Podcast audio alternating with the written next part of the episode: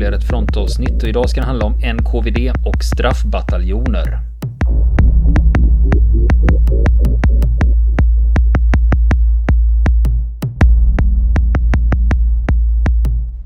Vi tar straffbataljonerna direkt så kan vi prata om, eh, ge ett exempel på en NKVD-divisions eh, inblandning i striderna i slutet av det här avsnittet. De som hamnade i straffbataljonerna, straffbat, det var ofta rena självmordsuppdrag. Så de som inte hade blivit avrättade, de stupade vid fronten i rena, oftast i rena självmordsuppdrag som de fick utföra de, i de här jag vet om att straffbataljonerna. Straffbataljonerna fick ägna sig åt min, väldigt farlig minröjning mm, och sådana grejer. Exakt, exakt. Alltså, mer än en och en halv miljoner ryska soldater tjänstgjorde någon gång i en straffbataljon under kriget 1941-45. En och en halv miljon. Det är alltså fler än de som dömdes av krigsrätterna. Så det var vanligare då att hamna i mm. straffbataljonen mm. än krigsrätt? För det var, det var inte bara de, utan där fanns de andra som inte hade dömts av krigsrätter, vad var de för några? Jo, det var yrkeskriminella eller lägerfångar från Sibirien som fick, eh, vissa av dem kunde få en chans att eh, man förespeglade dem då att okej, okay, eh, om du eh, anmäler dig till fronten så, eh, och överlever så räknar vi av några år på ditt straff. Så att du kommer ut efter tjänstgöringen, kunde man säga till dem. Men i själva verket var det ett självmordsuppdrag. Men fanns det något hopp och om man hamnade i en straffbataljon ja. överhuvudtaget? Och överleva. Ja, det gjorde det. Mm. Men eh, chansen att du skulle men att det skulle bli liksom, dö var större. Jag vet att det fanns mm. en del, en del hade ju bilden av att, i alla fall på mm. den tyska sidan, de hade också straffbataljoner. Mm. Just att, ja men om jag hamnar i en straffbataljon och gör bra ifrån mig, då kanske jag blir mm. benådad och får återgå till mitt vanliga mm. förband. Ja, det så fungerade det i Röda armén också. Det var, det var grundidén i, i hur straffbataljonerna fungerade, att du utsattes för svåra uppdrag. Du fick visa vad du gick för. Speciellt om du hade visat dig opolitlig eller eh, feghet inför fienden eller någonting sånt så skulle du visa vad du gick för. Och överlevde du den prövningen så, och eh, du godkändes av ditt befälhavare i straffbataljonen eh, att du avtjänat din tid eller gjort något extraordinärt så kunde du, så fanns det alltid en möjlighet att du skickades tillbaka till ditt ursprungliga förband att du kanske till och med återinsattes i din gamla rang om du var underbefäl eller officer också. Och det var inte bara yrkeskriminella och läger, politiska lägerfångar, ja, klassfiender. Alltså de som tillhörde de här samhällsklasserna som inte hade någon, fanns någon plats för i Sovjetunionen. Alltså tidigare borgerliga och överklassen.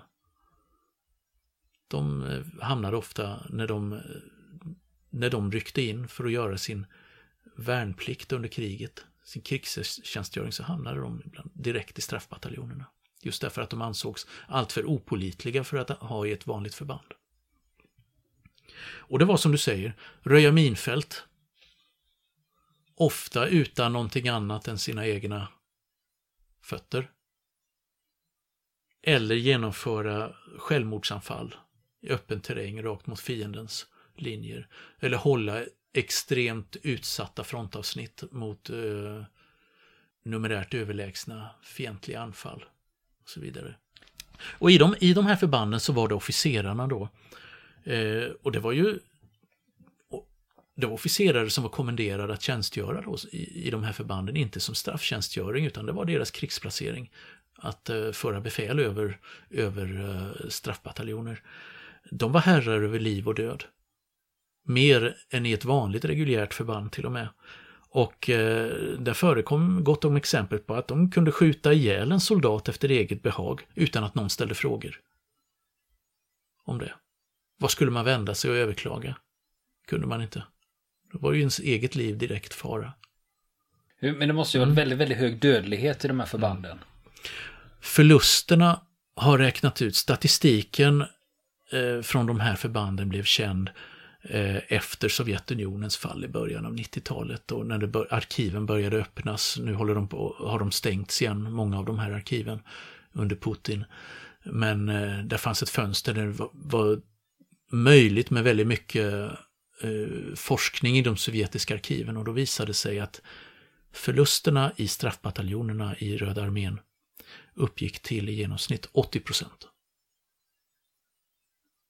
Det hade en chans på fem att klara dig. Om du hamnade i en straffbataljon. Eh, inga speciellt lysande framtidsutsikter helt enkelt. Nej, det är alltså, du har bättre mm. odds på rysk roulette. Mm, precis. Och likadant i straffbataljonerna som i, eh, det hade varit i de eh, reguljära arméförbanden under de mest desperata, vid de mest desperata tidpunkterna i början av kriget, att där kunde du riskera att bli ihjälskjuten om du var sårad och eh, eller eh, drog dig tillbaka från ett av de här meningslösa, eller de här självmordsanfallen. Det förekom att NKVD sköt sårade soldater, och soldater som återvände från misslyckade stormangrepp. Som hade beordrats. Så att vad man fick med de här förbanden, Straffniki, var att du fick soldater som kämpade oerhört desperat. Och samtidigt, på motståndarsidan visste man att hade man en straffbataljon framför sig, då visste man att det här kommer bli blodiga strider. För dem och för oss. På grund av att det fanns bara en väg ut för straffbataljonen och den gick rakt över de tyska linjerna. För det här bygger också på att det, det finns ju en plan med mm. det här. Mm. Att du försätter soldater i den här situationen, när att de slåss mm. till varje pris. Det, det, finns, det, jag kan inte vända och jag, jag, kan inte göra någonting mer än att nedkämpa fienden. Mm. Så på det viset så måste den ju ändå ha fungerat när de sätter skräck mm. i dem på det viset att de får otroligt eh, motiverade förband. Ja, precis. Precis. Det får man ju. På ett, på ett oerhört... Krig är omänskligt, men det här systemet eh, är ju ännu omänskligare när man eh, tvingar soldaterna att slåss av ren fruktan. Eh, på det här sättet. Eh, när det totalt skoningslöst och man, det egna livet är inte ett dugg värt. Men det är också den synen eh, som, ja. som vi har när vi tittar på just Röda armén under andra världskriget. Att, att de var beredda att offra väldigt mycket soldater. Mm. I det, här, det var det en känns, resurs, man, det var en resurs man hade. Var, de hade oändligt mycket man ja. att sätta in. Ja, de hade inte oändligt mycket för att eh, de hade också problem att bemanna sina förband mot slutet av andra världskriget och många av dem var långt ifrån fulltaliga. Eh, men de hade större resurser, numerära resurser än vad tyskarna hade. Och eh, det var en av, det var ju en av styrkorna Röda armén hade, att man rent man, man kunde i utnötningssituationer offra fler man därför att man visste att även om vi förlorar lika många soldater eller fler än vad fienden gör så kan fienden inte ersätta sina förluster i samma takt som vi kan ersätta våra. Det var den grundläggande filosofin bakom bakom det då. Och eh, där finns ju vittnesmål alltså i, i biografier och memoarer som har skrivits eh, på senare år om det otroliga människoföraktet som fanns eh, hos vissa av Röda arméns befälhavare. Då, där man eh, speciellt då, bland annat omvittnat är ju den störste befälhavaren av dem, av dem alla, marskalk Zjukov. Eh, store hjälten i, eh, i Röda armén som ibland eh, nämns i samma mening som Rommel och Patton och så vidare. Men eh, det finns ingen befälhavare troligen i krigshistorien som har förlorat lika många soldater som marskalk Zjukov gjorde. Men han hade en syn på det att soldater var förbrukningsvara. Ja, jajamän. Och när, man, när, man, när han eh, ville höra förlustsiffrorna så pratade han om tändstickor. Ja, hur många tändstickor har vi förlorat idag? Det var hans sätt, sätt att prata om, eh, om eh, förlusterna av soldater vid fronten. Var det. Totalt förakt för vad det handlade om. Men om man går tillbaka till de här NKVD-förbanden. Nu har vi pratat om hur de, eh, deras, deras roll för att motivera den reguljära armén att slåss. Men eh, de här NKVD-divisionerna som vi har pratat om tidigare, de var ju inte avsedda för eh, fronttjänstgöring. Utan det var ju som sagt inrikestrupper. De skulle vakta gränser, de skulle bevaka järnvägar, de skulle eh, jaga partisaner, de skulle in, utföra polisuppdrag. Och så vidare. Det var deras grunduppdrag. Men ibland så blev det så desperata situationer. Med tyska genombrott. Och så vidare. Att de blev, man blev helt enkelt tvungen att kasta in de här divisionerna i fronten. Det skedde flera gånger. De tillhörde inte Röda armén utan de tillhörde, de tillhörde NKVDs eh, högkvarter i Moskva. Vid Lubjanka-torget. Och, eh, men de ställdes ibland tillfälligt då under Röda arméns befäl i olika situationer vid fronten då för att ja, nu måste vi plugga igen ett hål här. Nu har eh, tyska stridsvagnar brutit igenom här och där. Har vi några trupper i närheten? Ja, vi har en NKVD-division. Vi kastar in den. Och så fick de eh, under tandagnisslan finna sig i att lämna sina eh, betydligt säkrare uppdrag, tryggare uppdrag bakom fronten och hamna direkt i främsta linjen. Och eh, jag ska bara ta ett exempel bland många. Det fanns ju, som jag sa, dussintals divisioner, NKVD-divisioner som hade olika uppdrag. Men en av dem som faktiskt hamnade i frontlinjen, det var den tionde NKVD-divisionen Eh, som deltog i slaget vid Stalingrad. Och som led fruktansvärda förluster där. Den tionde divisionen, NKVD-divisionen, den hade bildats i februari 42 i Stalingradområdet. Och eh, den hade satts upp då för att svara för den inrikes säkerheten i Stalingradområdet. Alltså partisaner och inte partisaner men eh, spioner och andra som man eh, obehöriga som man skulle hålla kort i det här området då. Eh, det var det den skulle syssla med. Och det gjorde den i början också. Den bestod av drygt 7000 man. De flesta av dessa var tillhörde gränstrupperna medan officerarna kom från NKVD Eh, och var NKVD-officerare, alltså de var utbildade på politiska meriter och en del av dem hade kanske fått militär utbildning också. För att lösa, för att lösa vissa militära uppgifter. Men det var inte deras huvudroll. Under sommaren 42, när de har organiserats färdigt, det är fyra regementen totalt i den, i den här divisionen. Många av dem medlemmarna eller soldaterna i divisionen, de kommer från Sibirien. Eh, men 3000 av dem eh, kommer från Stalingradområdet. Och det handlade ofta om övertygade kommunister som fick tjänstgöring i eh, en NKVD-division. Det var Komsomol och det var kommunistpartiet och det var andra sådana partiorganisationer de kom ifrån. Ja, Komsomol var ju ungdoms Det var ungdomsförbundet. Det var väl deras Hitlerjugend skulle man väl kunna säga. Det kan man väl kalla det för.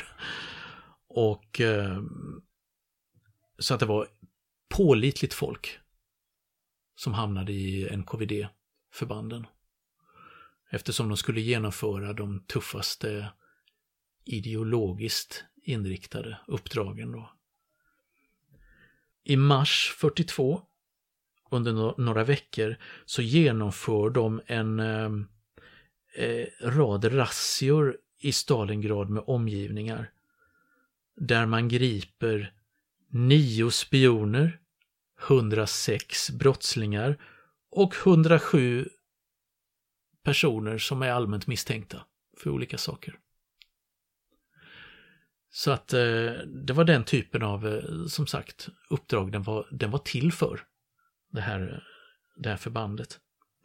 Och senare då under sommaren 42, eh, det tyska anfallet mot Stalingrad, offensiven mot Kaukasus och mot Stalingrad vid Volga, den började sommaren 42. Ungefär i den vevan så sätts eh, ett regemente ur eh, den här den här eh, divisionen in för att stoppa en infiltration av eh, tyska kommandosoldater.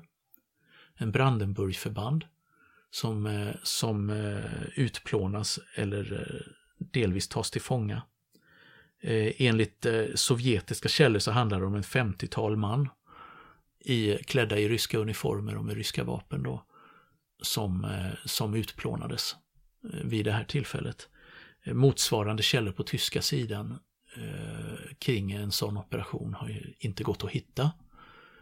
Eh, så att det är svårt att veta om det stämmer eller inte helt enkelt. Men det är inte otroligt att det var den här typen av uppgifter som man sysslade med.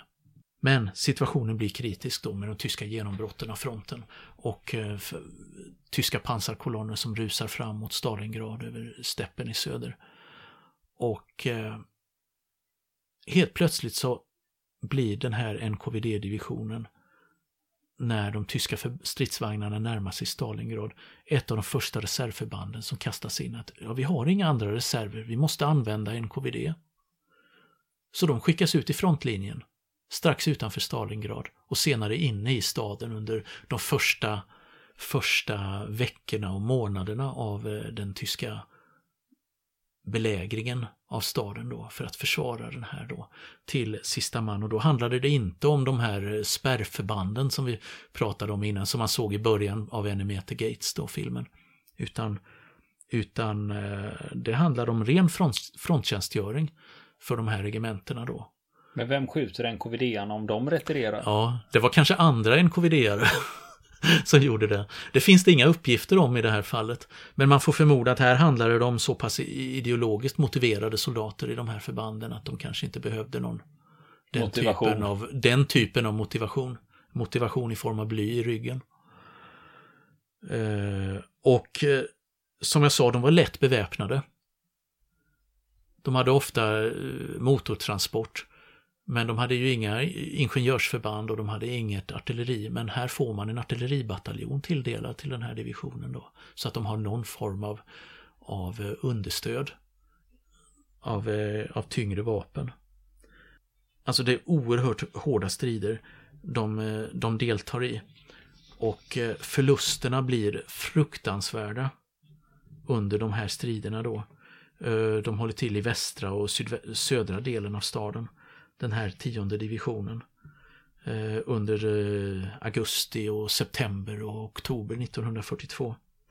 Och eh, de deltar i de första, första försöken, eller i att stoppa de första för, tyska försöken att erövra Stalingrad.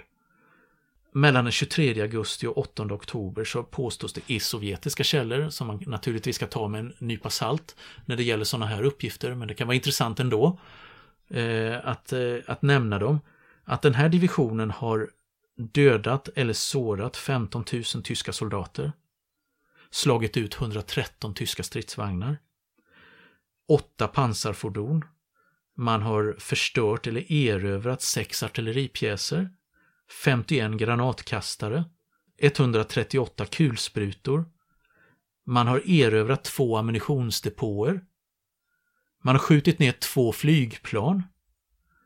Och man har tagit en tysk regementsfana. Där är den officiella statistiken för, för den här divisionen då ur, ur NKVD. Men förlusterna var fruktansvärda. Vi sa 7500 man lite drygt hade den här divisionen när den, när den kastades in i slaget om Stalingrad i augusti 1942. I början av oktober 1942, alltså no bara några månader senare, vet du hur många som var kvar? 2 500. 200 man. Ja, det var rök ju allihop. De rök allihop, gjorde de. Då, För du sa 7 500? 7 500 man. Och sen var de 200 kvar. 200 var de kvar. När de dras ut ur frontlinjen i oktober 1942 för att skickas bakom fronten för att få nya ja, kompletter kompletteringsmanskap som det heter då på, på militärt språk. Eh, här snackar vi om att det var ju ställa upp en ny division egentligen. Det fanns ju nästan inga kvar. Inga, det var inte frågan om att fylla luckorna. Nej, precis. Och Så att den här divisionen då, den eh, omorganiseras.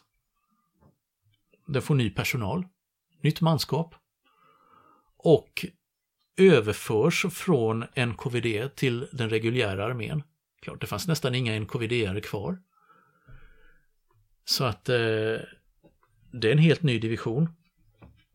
En annan division egentligen än vad den hade varit från början. När den återigen skickas ut i fronten 1943 då.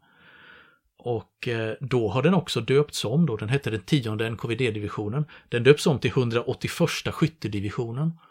Och får hedersnamnet Stalingradskaja, alltså Stalingraddivisionen. Och eh, Röda fanan och Leninorden-divisionen kallas den. Då för att i, i den Röda armén så var det så nämligen att det var inte bara eh, soldater och officerare som kunde få medaljer och ordnar, utan även förband kunde få det kunde dekoreras med ordnar och fick ett förband en eh, Leninorden eller något sånt så skulle det stå med i förbandsbeteckningen då att det här är Leninorden. Mm. Men en, mm. en fråga när det gäller mm. Mm. Hur såg man att någon tillhörde NKVD? De hade ju särskilda märken. Eller De hade sär, särskilda uh, röda märken på sina uniformer som gjorde att det inte var något tvivel om det. Och jag har för mig att, att officerarna från början hade blåa, blåa mössor blåa uniformsmössor. Som utmärkte dem som NKVD på långt håll. Eh, så att man hade speciella insignier som gjorde att, att det rådde inget tvivel om att det här, de här stod inte under Röda arméns befäl utan det här var, det här var annat folk. Men var det, var det även så att, säg att, de hamnar, eh, att om NKVD mm. hamnar i fiendens händer, var det avrättning på plats eller? Det kan man nog utgå ifrån. Det finns inte dokumenterat på det sättet med NKVD som det finns när det gäller eh, de politiska kommissarierna i Röda armén. Alltså det som man populärt kallar för politrukerna, Som skulle eh, övervaka och indoktrinera soldaterna där. Utan det är nog så helt enkelt att där drog man dem över en kam. Eh, i, I Wehrmacht när man tog dem, tog dem till fånga. Det är inte säkert att man heller förstod att det var just NKVD man hade tagit tagit till fånga. Jag kan tänka mig att de här, om en NKVD-soldat eller officer gav sig fången så såg man nog till att fort som tusan sprätta bort alla beteckningar som visade vad man hade tillhört för enhet.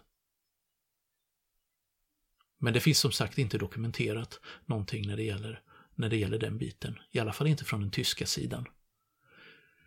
Eh, men eh, skulle någon av våra våra kära lyssnare som kanske kan den här saken bättre än vad vi kan eh, känna till någonting om det så tveka för sjutton inte att höra av er till oss så kan vi komplettera det här och, och berätta mer om detta.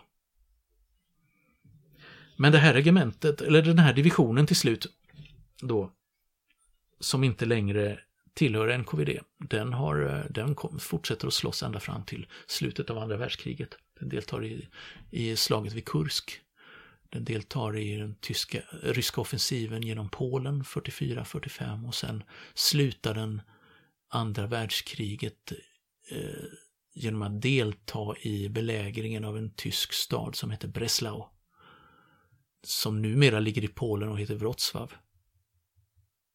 Ja, det var väl där utifrån eh, Joakim Martin kom från de krokarna. Exakt.